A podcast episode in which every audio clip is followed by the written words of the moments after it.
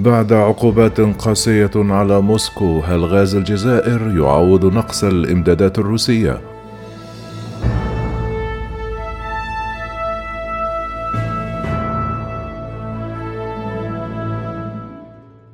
صخب وتجارب وزيارات إيطالية وأمريكية توالت على الجزائر خلال الأيام الماضية أدخلت هذا البلد الأفريقي دائرة الضوء كأحد بدائل الغرب للغاز الروسي بعد فرض عقوبات قاسية على نفط موسكو لدى بعض البلدان الأفريقية احتياطات كبيرة من الغاز من بينها الجزائر التي تعتبر عاشر أكبر منتج للغاز في العالم.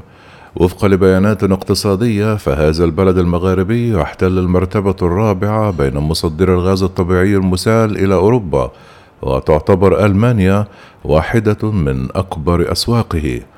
كما زارت نائبة وزير الخارجية الأمريكي ويندي شيرمان الخميس الماضي الجزائر حيث التقت الرئيس الجزائري عبد المجيد تبون وكبار شخصيات في البلاد.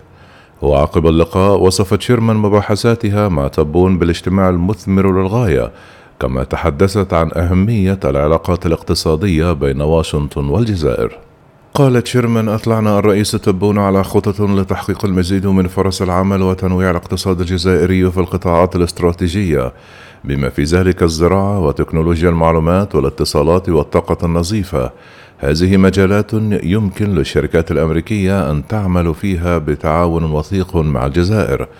كما كشفت عن زيارة أخرى لوفد أمريكي للجزائر لبحث سبل التعاون في مجال طاقة الرياح ومعالجة مياه الصرف الصحي وقطاع النفط. ويندي شيرمان هي أرفع مسؤولة أمريكية تزور الجزائر في عهد الرئيس الأمريكي الحالي جو بايدن. قال المحلل الاقتصادي الجزائري الدكتور علاوة بالإخباط أن الجزائر مرتبطة بعقود طويلة ومتوسطة الأمد مع شركائها الأوروبيين وملزمة باحترام هذه العقود. ولا أحد يملك الحق بمنع الجزائر من تمويل الأوروبيين بالغاز بموجب هذه الاتفاقيات وهي ليست جديدة.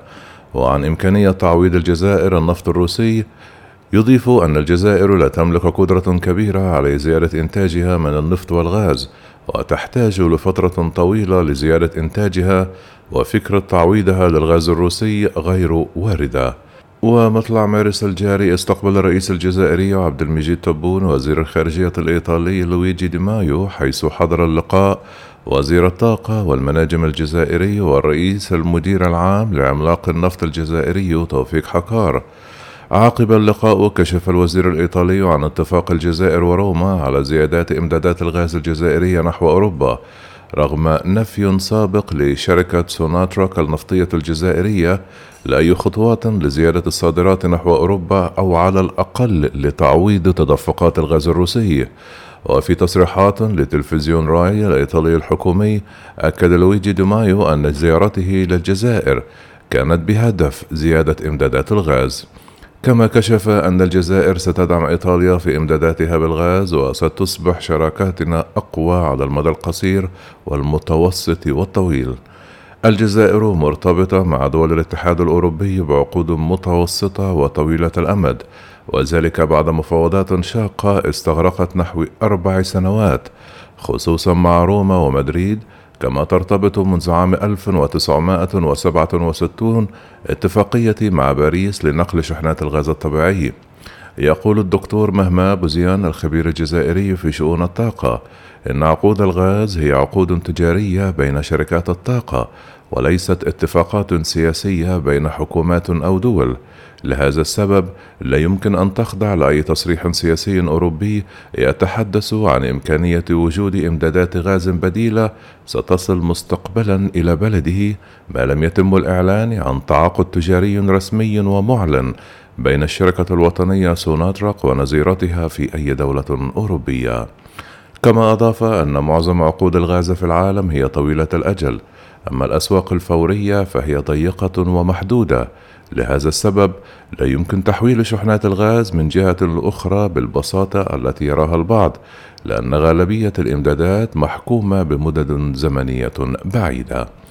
يؤكد بوزيان أن زيادة إنتاج أي دولة من الغاز مرتبط بإمكانية توفير قدرات إنتاج إضافية. لكن واقع صناعة الغاز اليوم عالميا يقع تحت تأثير عجز الاستثمارات ما يحد من إمكانية رفع الإنتاج. كما استطرد أن هناك عجز في قدرات الإنتاج الإضافية لدى غالبية المنتجين للغاز.